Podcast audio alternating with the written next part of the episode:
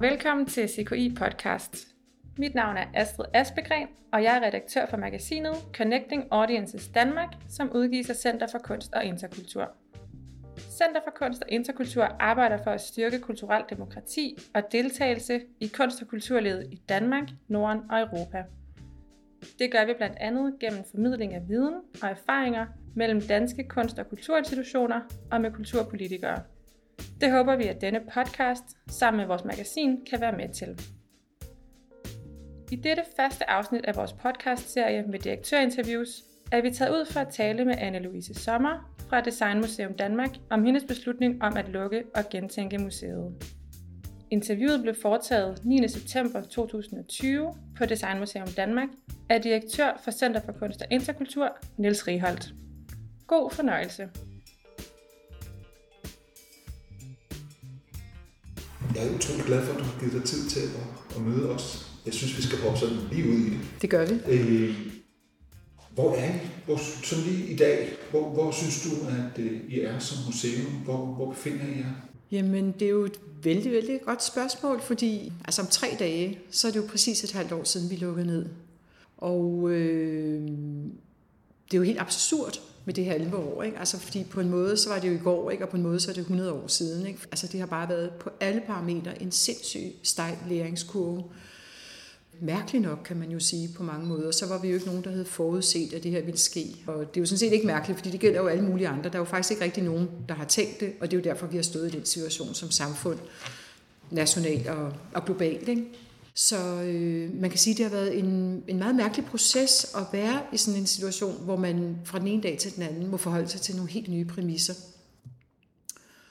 Og øh, det, som har, hvad skal man sige, i starten især frustreret mig helt vildt meget ved situationen, det er det der med ikke at kende præmisserne og ikke have noget at kunne navigere i forhold til. Fordi man starter med at sige, okay, så lukker vi ned, ikke? det gjorde vi så der den 12., altså umiddelbart efter øh, pressemøderne og udmeldingerne, og øh, hvor lang tid kommer det til at vare? Hvad gør vi med medarbejderne? Altså hele vejen igennem fra, øh, altså det er jo simpelthen alt i kerneaktiviteter, alle relaterede ting, der er på en eller anden måde er sat øh, til debat, ikke? eller der er sat spørgsmålstegn ved. Og øh, altså for mig var det, var det vigtigt i første omgang, da der blev meldt ud med, øh, med hjælpepakker og lignende, at selvfølgelig skulle alle folk sendes hjem, og de skulle sendes hjem på fuld løn, og så måtte vi se, hvad der skete. Mm. Og så kom der jo en lang periode, hvor vi sad og spiste egen hale, kan man sige. Fordi det, der er jo sket i de senere år, er jo, at vi har fået vendt en øh, økonomisk øh, ret udfordrende situation til en meget lukrativ økonomisk situation, hvor vi tjener gode penge, tjener egne penge og har god likviditet og har øh, henlæggelser og lignende. Så det var jo faktisk muligt at gøre det, men det var også det der med at spise egen hale, og man vidste en dag var det jo slut, så havde bare der ligesom ikke mere likviditet, fordi vi adskiller os jo fra øh, faktisk alle andre museer i landet ved, at vi på to parametre scorer ekstremt højt. Altså dels hvad angår internationale gæster, hvor vi har over 80% internationale gæster, og det kunne man jo lige bare kigge i vejviseren efter, som den ene ting, og så det andet, det angår øh, egen indtjening, vores egen indtægt, hvor vi også er et af de museer, der ligger absolut højst, hvor vi ligger mellem to tredjedel og tre fjerdedel af vores samlede omsætning, som vi tjener selv. Og det er jo faktisk penge, vi tjener på døren, som jeg plejer at sige. Det er ikke gennem fondsstøtte osv., det kommer oveni. Ikke? Så, øh, så vi var udfordret på, på to helt basale og altså essentielle parametre. Og så kendte vi jo ikke fremtiden. Det gjorde ingen af os jo, fordi vi vidste jo ikke, hvornår ville der blive øh, løsnet op for øh, igen, at folk kunne komme på kulturinstitutioner osv. Så, videre. så det var sådan en ret øh, handlingslammet situation at være i, samtidig med at jeg sad med min øh, økonomichef og lavede det ene likviditetsbudget efter det andet. Ikke? Jeg kunne ligesom se, hvor lang tid ville bukserne holde, ikke? og hvornår ville der være, være hul i det hele, og hvad kunne vi gøre, og kunne vi i gang sætte nye initiativer, og hvordan kunne vi holde os flydende, og Altså, vi har jo øh, stået på toppen af en succes. Altså, øh, 2019 var vores bedste år nogensinde. Vi havde 310.000 besøgende, og har dermed mere end femdoblet besøgstallet de sidste 8-9 år og økonomien var god, ikke? og jeg var nået langt med at skaffe midler til øh, kæmpestore bygningsprojekter på museet, som vi havde tænkt os at gennemføre, mens vi var i fuld drift, fordi når man tjener så mange penge på sin drift, eller vores primære aktiviteter, som vi gør, så kan man jo ikke tillade sig at holde lukket, selvom det ville være, være godt. Så ville vi ligesom blive tvunget til at holde den i bevægelse. Så, så der var rigtig, rigtig mange tanker hvad skulle vi gøre, hvordan skulle vi navigere i forhold til det. Og så vil jeg sige, da ideen så kom om, altså at øh, måske skulle vi vælge, når nu vi ville blive ramt så hårdt på de to afgørende parametre, og lukke frivilligt ned og gennemføre restaurerings- og renoveringsprojekterne af bygningen på det statstilskud, som vi heldigvis fik lov til at beholde imens. Så var det jo ligesom, okay, nu var der en vej. Og så kunne vi bruge den her, øh, hvad skal man sige, kæmpe krise, det var, til at tænke en udviklingsmulighed ind. Og det har jo givet en enorm øh, ro i foretagendet, altså i det ledelsesmæssige rum, efter at bestyrelsen så heldigvis tilsluttede sig øh, øh, ideen, og vi fandt ud af, hvordan det så kunne strikkes sammen, fordi så kunne man lige pludselig kigge fremadrettet, og så havde vi jo noget, vi kunne navigere i forhold til. At der så on the side kommer utrolig mange andre spørgsmål, øh, alt lige fra, kan vi bevare synligheden, hvad er det for en scenarie, vi vågner op til bagefter, når vi åbner Primo 22 osv. Det er så en helt anden side af sagen. Det må man jo så arbejde med. Men der lå en enestående mulighed i det, altså som jo også var helt tydelig samtidig med at beslutte det med nedlukning, det var, at vi kunne skabe et designmuseum version 2.0. Og det vil vi prøve at tage meget bogstaveligt, og det gør vi, og vi arbejder altså benhårdt på at, at skabe noget, der bliver en helt ny version og bedre version af os selv. Og når du siger det, så, så, så antager jeg, at der, der ligger både noget omkring, hvad det egentlig er for en forretningsmodel, I har haft mm. bagage, og hvad I så gerne vil opnå. Du siger lidt mere om, om de dilemmaer, der var i den, i den gamle model. Ja, altså fordi det er jo meget, øh, altså der er jo også mange, der sådan har sagt, åh ja, men sådan går det jo, når man har alle de der internationale gæster, ikke? Altså sådan lidt, altså du ved, som at det er unaturligt, at der kommer for mange internationale gæster, eller det er sådan lidt dubiøst, at vi har tjent vores penge på den måde, og sådan, du ved, sådan lidt.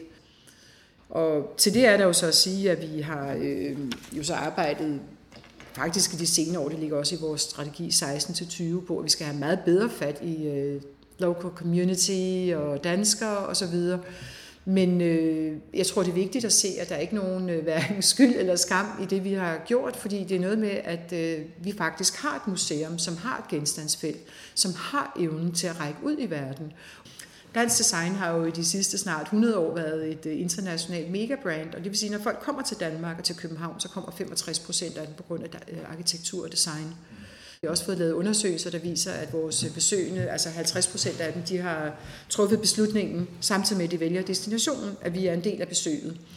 Så det er sådan det, man kalder reason to go. Ikke? Og øh, der har vi jo en enorm forpligtelse, synes jeg, også på, øh, hvad skal man sige, en national platform til at vise noget af det bedste frem af noget af det, vi er dygtige til i Danmark, og som skaber en enorm både samfundsmæssig og kulturel værdi, for det er det, design gør, ikke? og det er den værdiskabende effekt, det har det er også det, der gør det så vanvittigt spændende at arbejde med et designmuseum. Øh, ikke at andre museer ikke er spændende, men øh, det er særligt spændende for mig, fordi det rører ved kernen af noget, som er, når jeg siger øh, samfund, så siger jeg netop ikke nation. Altså jeg mener ikke, det er noget, der er bundet til en, på den måde, kunne man sige, forældet nationalstatstankegang, men det er noget, vi har en tradition for her. Og det er jo det, vi ser. Altså man kan bare gå rundt i København, man kan gå rundt i øh, alle mulige steder, og så se, hvad det egentlig betyder, at man har haft en formgivningstradition og haft en, særlige ting, som er forankret i noget demokratisk. Vi har alle sammen som danskere mere eller mindre bevidst befundet os i de her gennemdesignede omgivelser. Vi har virkelig noget, vi kan, øh, altså vi kan lære verden. Den der demokrati, det der med at lære verden noget om jeg har en svensk kollega, som sagde til mig, at komme til København er lidt som at komme ind i uh, Vordersrummet. Ja. Det er den der dagligstue fornemmelse. Det er en skøn formulering. Øh, ja, det er meget fint. Øh, ja. Jeg tænker, at, at den formidling af hverdagsrummet, dagligstuen til de internationale, og så samtidig prøve ja. at bygge den der demokrati-diskussion med det danske publikum. Ja. Er der opstået nogle dilemmaer i det? Det er jo det, vi skal arbejde på, ikke? fordi hvis du ser de her, øh, hvad hedder det, turismeforecast, så er vi jo fremme i 24 for, før vi nærmer os et billede, som svarer til det, vi har haft. Og altså, spørger du mig, så vil jeg sige, at det har vi da stadig til gode at se, ikke? fordi jeg tror, altså, jeg tror i virkeligheden, at folk helt undervurderer situationen. Altså, jeg tror, det er major, og vi kigger ind i flere års, øh, jeg vil ikke sige krise, men et, øh, et, et, et mulighedsrum, hvor der sker nogle ting, som vi end ikke kan gøre os begreb om, før vi kommer tilbage til det, vi så kalder new normal, ikke? altså på, på nydansk. Og så synes jeg, når, når jeg siger det, så synes jeg også, det er vigtigt at sige, at fremtiden er jo ikke noget, der ligger derude og venter på os. Det er jo den, vi er aktive medskaber i vores valg og i vores processer frem mod det, der kommer 2030. Og, øh, og der skal vi være helt anderledes, øh, øh, have helt anderledes gehør for, at folk kommer til at få nye sociale mønstre, man kommer til at øh, agere på andre måder i det offentlige rum, vi kommer til at have andre præferencer. Og Jeg har i hvert fald lavet sådan en nærmest 180 grader omstilling på rigtig meget. Og noget af det, jeg for eksempel kan mærke med mig selv, det er, at øh, alt det, der har været sammen ved vores øh, museum, og de øh, sådan, historiske rum, og ikke særlig store rum, øh, som det jo egentlig er, at det er alt det, man ikke har lyst til. Ikke? Man har ikke lyst til at gå mange mennesker ind i det. Man har derimod lyst til at gå en tur i skoven, ikke? eller øh, at høre en podcast, eller øh, læse en god bog, eller hvad det nu kan være. Ikke? Så vi skal igennem en øh, proces, som jeg tror bliver en meget, meget lang omstillingsproces, hvor vi gradvist finder vores fødder, og samtidig er medskaber af det nye, som er det, sådan et museum skal gøre.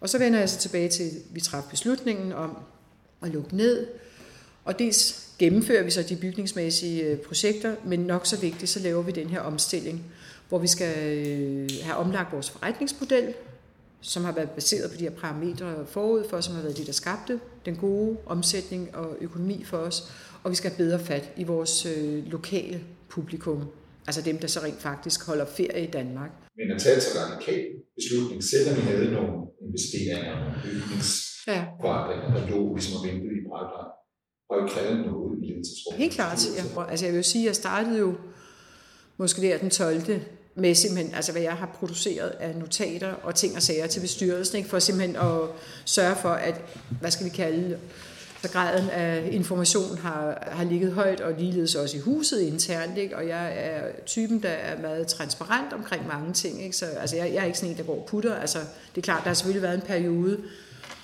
hvor vi også øh, træffede de, de meget triste beslutninger omkring den øh, personale reduktion, hvor altså der, der måtte man jo ligesom følge spillets regler og, og holde, være i det helt lukkede rum. Men ellers er jeg jo en, der netop øh, taler åbent om tingene, og i øvrigt også meget bruger øh, det at kaste ting ud øh, i andre sammenhænge, og til kolleger selvfølgelig, men også i helt andre sammenhænge, få respons og så finde ud af, hvad sker der i mødet mellem de der idéer, man selv kaster ud, altså ligesom få trykprøvet tingene. Ikke? Men, øh, men bestyrelsens opbakning har jo været helt uvurderlig, og altså, altså jeg ved jo slet ikke, hvad, jeg skulle, altså, hvad vi skulle have gjort, hvis ikke der havde været den opbakning, fordi så havde situationen altså været ret kritisk altså i dag. Og jeg vil jo sige, altså efterfølgende, der har det jo sådan set, altså det har også været en hård tid, ikke? altså på virkelig mange måder, og nu er vi jo en ret begrænset stab tilbage, der skal løfte en kæmpe opgave, hvor jeg er meget afhængig af gode folk hele vejen rundt i huset, ikke? Som, øh, som knokler på. Ikke? Men det er også en skøn stemning, ikke? fordi nu er vi i gang med at løfte noget, og det kan blive unikt, ja. hvis vi lykkes med det. Ikke? Så det giver jo også en enorm energi ind i sådan noget. Ikke?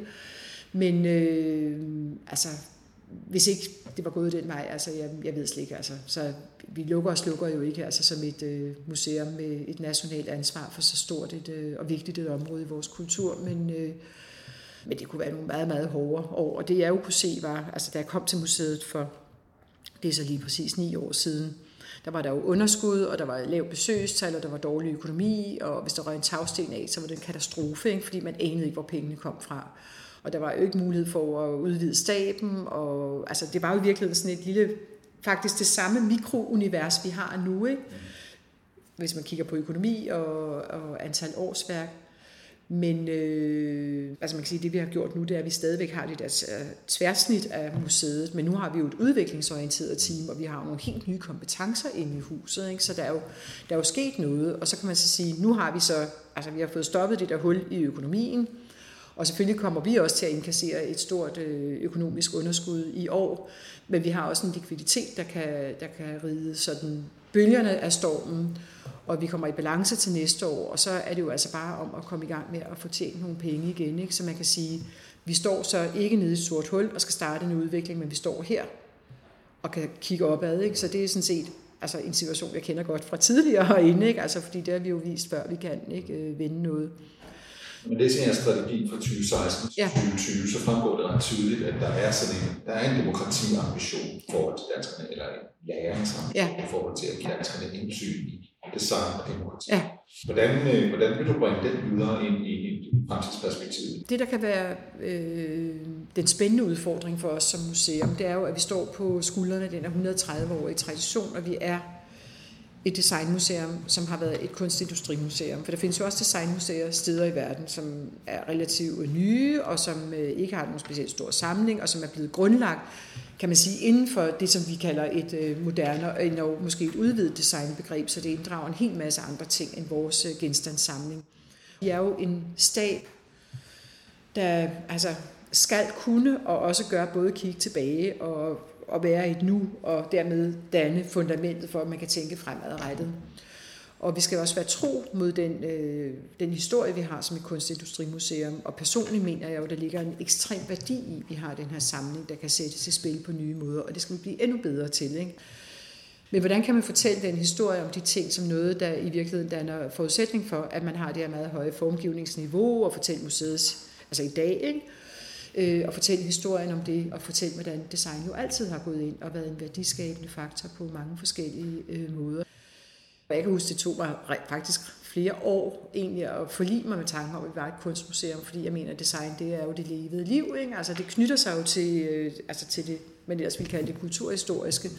Men hvordan kan man alligevel i mødet mellem de to ting, altså få, få skærpet nogle ting? Jeg plejer jo gerne at nævne Margretheskolen, som øh, alle jo kender som, altså, som et af de mest vidunderlige øh, ikoner på dansk design, som jo gør, at du har noget, som alle har råd til at købe, hvis de vil. Ikke? Og den holder fanden galt med generationer, ikke? Altså, fordi kvaliteten er unik, og den måde, man tænkte med nogle små funktionelle greb og ændringer, er helt fantastisk. Og det har du industrielt design, som altså for mig at se er hele indbegrebet af den der demokratiske tradition. Ikke? Jeg er jo øh, jeg er jo spændt på det, ikke? fordi der er hele det der delikat omkring at få fat i danskerne, og så vender vi lidt tilbage til diskussionen omkring øh, design som den der demokratiske øh, ture i forhold til mad, og jeg plejer at sige, at øh, design er den materielle ekvivalent til velfærdsstaten, ikke? fordi vi ligesom ser alle de ting, der ligger i velfærdsstaten, og det, øh, altså det er også det, du sagde med, med det der gigantiske hverdagsrum, ikke? eller dagligstue, som din svenske kollega havde sagt. Øh, og den historie har vi ikke været gode nok til at formidle for danskere. Øh, eller du kan sige, måske har danskere ikke været parat til at tage den historie til sig, på det, i hvert fald ikke på den måde, vi har gjort det, fordi man tager meget for givet, når man er vokset op i de her omgivelser. Måske reflekterer man over, hvis man er i udlandet, og man ser noget, der ikke helt har den samme høje standard, så tænker man, at det er nu også meget nice at være i Danmark. Ikke? Det er rent og pænt, og det er velorganiseret osv. Men der er jo ikke så mange mennesker, der rundt og må knibe sig selv i armen dagligt, fordi altså, hvor er det et privilegie at få lov til at have et liv her. Og det præcis det kunne godt lede til, at man brugte jeres transformationsproces. Vi kommer til at arbejde med nogle ting i det nye museum, som jeg jo ikke rigtig kan løfte så meget sløret for endnu, fordi det er simpelthen så meget proces. Det er helt vildt spændende. Ikke? Altså, vi sidder jo vi sidder midt i det, og vi altså, diskuterer jo dagligt altså forskellige typer retninger. Men ja, inddragelse af brugere, involvering af forskellige øh, øh, målgrupper er jo helt centralt. Det uddannelsesmæssige eller dannelsesmæssige aspekt har ligget i vores DNA siden 1890, ikke? og det bliver vi ved med. Vi har tætte samarbejder med uddannelsesinstitutioner på alle niveauer. For vi starter jo med børnehaven, ikke? og så ender vi jo på universitetet, og i virkeligheden har vi jo livslang læring inde som, øh, som, som noget, som er i, altså i kernen af vores DNA det er jo det, som jeg synes altså, giver værdi. Ikke? Det er at kunne være med til at, at, at bidrage både i forhold til Next Generation, men også til den der livslange læring. Kan man blive klogere på noget, så er det jo fuldstændig fantastisk. Ikke? Og er det noget, der sætter en i stand til at agere mere hvad skal vi sige, ansvarligt ikke? i et øh, demokratisk samfund, så... Øh... Henter du inspiration udefra til den proces? Ja, det kan du tro. Jeg synes, jeg henter meget inspiration.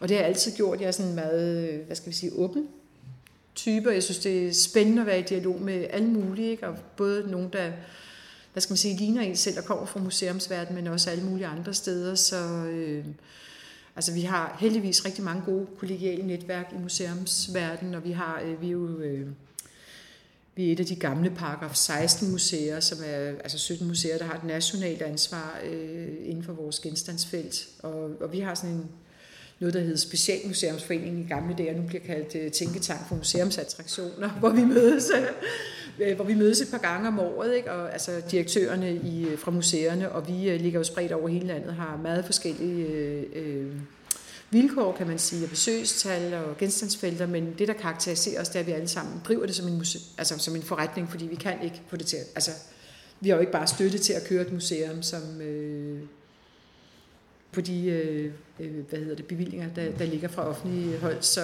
så vi har rigtig mange ting at diskutere. Hvis du nu skulle sige lidt om, om den der strategi, I så har haft ja. til den 12. marts ja. 2020, ja. ikke? fordi den er jo i sig selv en transformation af hele museets selvforståelse. Ja.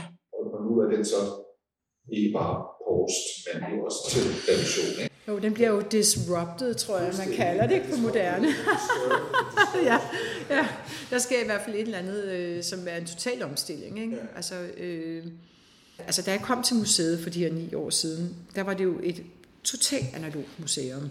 Og der var, kunne jeg jo se på andre museer, det var jo allerede i fuld sving ikke, med at, at, at køre op i gear øh, på det digitale, ikke? og folk fik digitaliseret og tilgængeliggjort samlingerne, og øh, altså, du ved, alle de der forskellige øh, interaktive ting og sager. Ikke? Og så tænkte jeg, okay, der er slet ikke lavet noget som helst her. Ikke? Altså, der var ekstremt lidt, der var digitaliseret. Okay, ikke? Altså, det var sådan, du ved, det var også en stejl kurve. Men så tænkte jeg også, og det hænger jo sammen med de forskellige ting, jeg selv har oplevet, når jeg har været ude og, og besøgt museer, ikke mindst i udlandet, og hvor man kan se, at nogle gange det digitale går ind og sådan set forstyrrer oplevelsen af at være på et museum. Der, hvor vi kan gøre en forskel med virkelig at tage det på os, som vi rent faktisk er, i stedet for at halse efter og forsøge at blive det sidste med det første, ikke? og så er det allerede forældet, når vi når frem til det. Jeg er at sige, at vi lægger fokus, sætter fokus på den analoge oplevelse. Og så udviklede jeg sådan et lille koncept, som jeg så også har været ude og holde foredrag om i en del sammenhæng, hvor jeg taler om øh, øh, øh hvad hedder det, tilstedeværelsen, eller øh, ja, the, present, the attraction of presence, altså øh, det, det der med nærværets øh, attraktion, ikke? det at være til stede, at det er unikt. Og det kan du selvfølgelig anklage eller anke, at det er meget elitært, for det kræver, at folk har mulighed for fysisk at komme, og hvad med dem, der er forskellige årsager er begrænset, men det må vi så også finde ud af, hvordan man løser det. Ikke? Men i hvert fald, at museumsoplevelsen er bundet til at komme i de her historiske, unikke bygninger, vi har, som har en helt særlig stemning se nogle genstande, hvor rigtig meget faktisk er i verdensklasse, blive, øh, hvad skal man sige, konfronteret med nogle bestemte perspektiver på en oplevelse af en tilgang til design, øh, komme ud beriget på så mange planer af et museumsbesøg. Og det er jo så alt det, man kan sige, hele det taktile og det materialemæssige osv., det er jo det, vi så kører all in med i vores øh, design, har kørt all in med i vores designværksteder til alle vores undervisningsforløb der.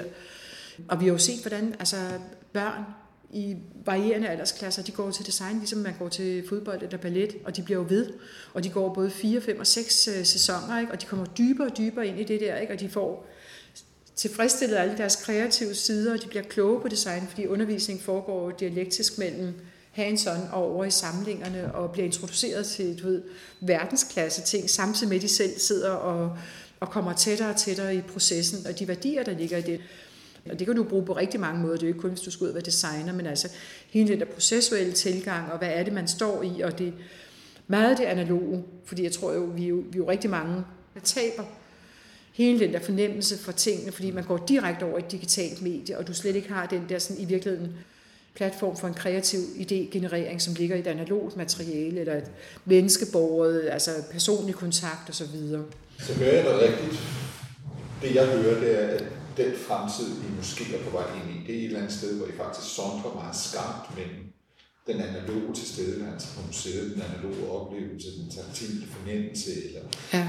og det man bærer med sig, og så en digital tilstedeværelse, som er noget andet, som er et supplement, men det er i virkeligheden ikke noget, der opleves direkte koblet til genstandene. Det er faktisk en anden fortælling. Det er to parallelle fortællinger, kan du sige. Øh som kan understøtte hinanden og berige hinanden. Altså i virkeligheden så taler man, og det har man jo gjort længe, ikke, om brugerrejsen, ikke?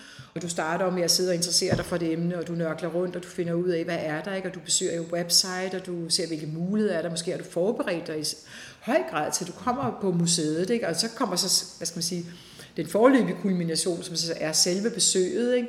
så fortsætter det efterfølgende, der er efterbearbejdning. Måske skal du tilbage med nogle ting, du har fået af indsigter og finde ud af mere, og du, øh, du bliver nysgerrig på en masse. Så det bliver et, langt, altså et længere og mere komplekst forløb. Det er noget af det, vi kommer til at tage meget, meget fat på. Ikke? Altså hele det der spørgsmål om ankomst, som ikke bare er velkommen til Bredgade nummer 68 og ind i forhallen og ind i samlingerne. Men vi kommer også til at nytænke hele det der klassiske greb, hvor man har primære og sekundære funktioner på et museum der sidder vi jo og arbejder med nogle ret spændende modeller for øjeblikket, hvor det findes ikke. Altså vi har museum, Og for det første så starter du ude på vores øh, nye museumsplads, hvor der også er Montræk, og det starter jo inde, altså når du er inde på websitet og alt det der. Ikke?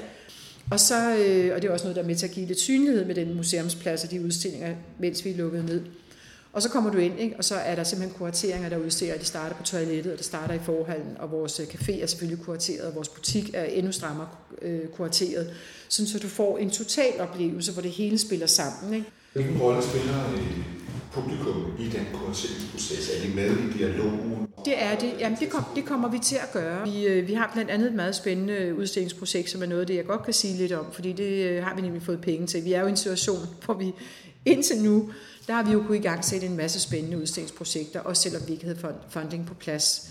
Fordi hvis ikke vi fik nogen penge, så havde vi dem jo bare selv, fordi vi havde jo penge til det. Ikke? Og det har jo været et kæmpe privilegie. Ikke? Og også givet ro på, ikke? og som jo har gjort, at jeg jo har kunne samle de her, det ender jo med at være omkring 200 millioner, ikke? Der, der ryger ind i hele den der bygningsudvikling, som jo så får altså et museum, altså spidsenklasse, ikke? Øh, men der har det jo været dejligt, at vi selv har været i stand til at betale for vores udstillinger i en vid udstrækning. Vi har selvfølgelig også fået fondsstøtte, men det har været relativt mindre i forhold til, hvad andre museer har. Nu er vi i en situation, vi har ikke så meget som fem flade øre at tage af, så vi skal simpelthen have genereret penge til det hele. Og det vil sige, at vi kan først sætte projekterne i gang, når vi har pengene til det, fordi vi har ikke nogen, noget kistebund, vi kan hente ind fra. Men vi fik fra Ny Carlsbergfondet til deres øh, covid-19-satsning hvor vi har lavet et projekt, som nok kommer til at hedde Designing the Future, og som består af tre faser, hvor vi starter med en brugerinddragelse, og en, øh, det er både, altså brugere skal forstås bredt, for det er både designer, og det er såkaldt almindelige mennesker, der ikke er designer. Og så skal vi finde ud af en hel masse ting omkring, hvad er det, der definerer fremtidens design. Og det bliver så en proces, der kører øh, online og digitalt, og som efterfølgende bliver kurateret af vores folk. Og så udmyndter det sig så i en, øh, altså det er så, ligesom du ser det som en tretrinsraket, ikke? hvor det er så første fase, og så kommer anden fase. Der er vi så ude på forpladsen, så laver vi en prep ikke, på, hvad det er, der så kommer, når vi så åbner museet, hvor der sker en hel masse, hvad skal vi kalde det, øh, skiftende, dynamiske manifestationer. Vi har endnu ikke formatet på plads, så det er virkelig det der med, at du kigger ind i prøvelaboratoriet, ikke? og det er jo så i øvrigt også overskriften for den handlingsplan og ministrategi, jeg har kunne præsentere for bestyrelsen og repræsentantskab her for nylig. Og så rykker vi så ind i, øh, i selve museet, når vi så åbner der øh, 2022, og så folder vi hele harmonikaen ud, så bliver det stort. Og øh, ideen er, det er jo så en afløsning, kan man sige, for, eller en, en videreudvikling for det format, vi havde i Dansk Design nu, som handlede om, hvad er det 21. århundredes design. Da jeg kom hertil, der var det jo også det der lidt sjove forhold, at øh, udviklingen stoppede sådan set i år 2000, og der var vi jo allerede i 11, da jeg kom hertil, ikke? men der var jo ikke så meget af det nye. Hvordan får vi i højere grad det ind? For det vil jo både danskere og turister se, hey, hvad rører der sig nu? Ikke? Og det er det der med at kigge ind i en, jeg skulle sige, øh, troldmandens laboratorie, det er det jo selvfølgelig ikke, men, øh, men der er bare rigtig mange ting, og vi ved jo ikke, hvad det er, der bliver sådan klassikere, ikoner. Og så er vi så lidt tilbage til det der, som jeg sagde på et tidspunkt med, at fremtiden er jo ikke noget, der ligger derude. Det er jo noget, vi selv er med til at forme og skabe. Vi medskaber igennem vores øh, handlinger, hvor man kan sige, hvis man siger, en udstilling om fremtidens design i 2030, så tror folk jo, det er sådan, okay, så er vi helt inde i AI, VR, totalt digitale ting, eller øh, nano mærkelige materialer, alt muligt, som vi slet ikke kan tænke på nu. Og det er jo faktisk ikke rigtigt. Faktisk, så det vi skaber nu, i starten af 20'erne, det er jo det, der bliver fremtidens design. Ikke? Fordi det er jo de ting, der bider sig fast. Alt det, der sker her i, i kølvandet på covid-19 med nye måder at tænke værnemidler på, nye øh, sociale øh, aktionsfelter, som kræver nye typer design, øh, måder at dele, måder at, at være mennesker sammen på. Alt det kommer jo til at være formativt for det, vi så ser i 30. Så dannelsesdagsordenen handler i virkeligheden også om skabe tilgang til tilgængelighed til museet. Lige præcis. Der er jo noget med at investere i fremtiden, og de kommer jo tilbage, de unge mennesker, som har haft gode oplevelser hos os. Det bliver jo deres sted. Og det gør også, det et langt skønnere sted at komme, når det er en Altså det ikke kun er de grå hjelme, der kommer, ikke? og 60 plus veluddannede kvinder, som man by the way snart selv tilhører, ikke? så ikke, ikke et ondt ord om dem, men, men det der med, at det er, altså det er tværsnittet. Ikke?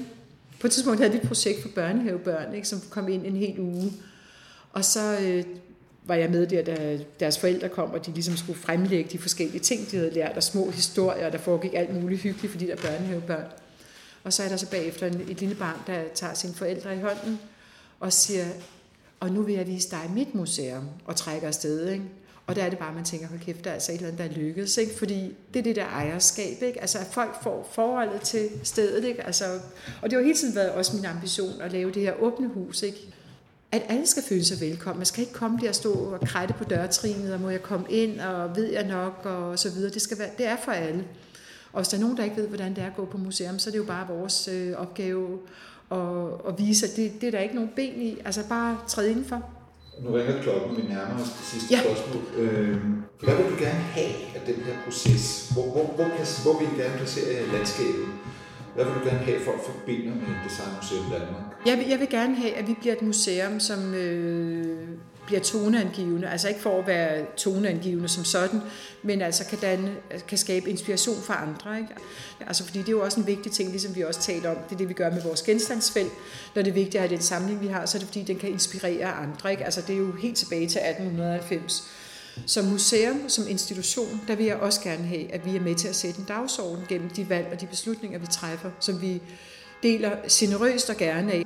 Jeg tror på, at vi, øh, vi sammen stærke, ligesom man vil sige i 70'erne. Ikke? Altså, det er jo blevet på en eller anden måde noget, der kommer frem igen. Ikke? Og der er ikke nogen, der klarer sig alene, og vi, øh, altså, vi løfter i fællesskab, ikke? og det skal vi gøre. Og der vil jeg gerne have, at vi, øh, selvom vi ligger måske nok lammetævet på nogle punkter nu, ikke, så føler jeg stærkt stadigvæk, at vi er en stærk aktør, og vi har øh, styrke og energi til også at kunne, øh, kunne dele med andre og være med til at måske som en slags first mover i det her øh, pandemiske, postpandemiske scenarie, altså også kan være med til at sætte nogle øh, dagsordner, som kan, kan gøre, altså bidrage, inspirere. Tusind, tusind tak for at du stiller Det var en fornøjelse. Tak fordi jeg måtte.